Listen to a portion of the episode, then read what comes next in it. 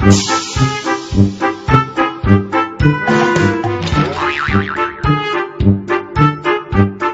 大家好，欢迎收看央广制造的快乐宝典凌波微步。龚琳娜又一首神曲横空出世，想变神州大地。矮马给心闹得稀碎。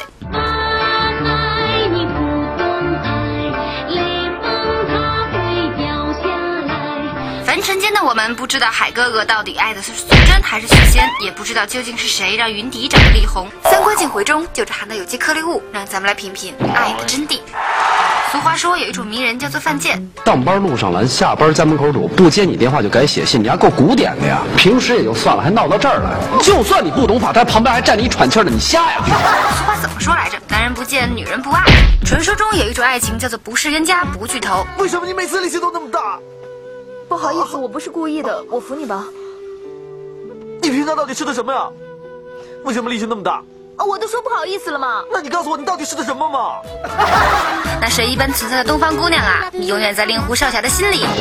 想知道什么叫做有情人终不成眷属吗？一部名叫《山河恋》的剧作，完美的对其进行了诠释。苏玛喜欢多铎，多铎喜欢小玉儿，小玉儿喜欢多尔衮，多尔衮喜欢大玉儿，大玉儿喜欢皇太极，皇太极喜欢海兰珠，海兰珠喜欢卓林，最后海兰珠竟然被一把盐给齁死了。这个混乱的世界，节操全无啊！情人节怎么过？路过、掠过、哭过、笑过、睡过、难过、飘过、爬过、错过、得过且过，一笑而过，反正都是自己过。在多巴胺的作用下，屌丝男决定鼓起勇气向心中的女神表白。他以为结果是这样的，我喜欢你很久了，嘿嘿，让我考虑考虑。最起码也是这样的，我喜欢你很久了，呵呵，你是个好人，但是我们不太合适。最差也是这样的吧。我喜欢你很久了，哥文滚滚！可事实上是这样的。我喜欢你很久了，你谁呀、要说这对象搞得炉火纯青的，还要数星爷。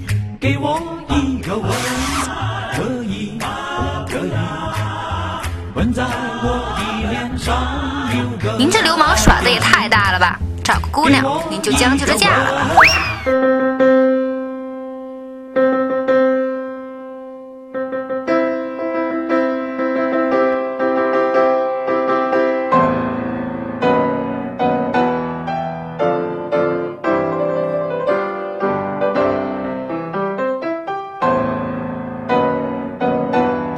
快二十年了，小编终于有幸看到新一和小兰在一起了。什么？儿子柯南，女儿灰原？擦，亲兄妹呢！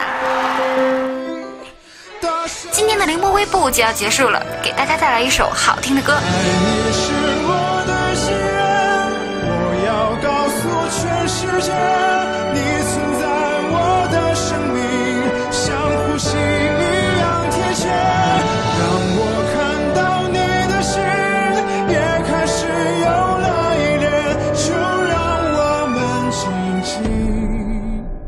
再见喽，下期见喽。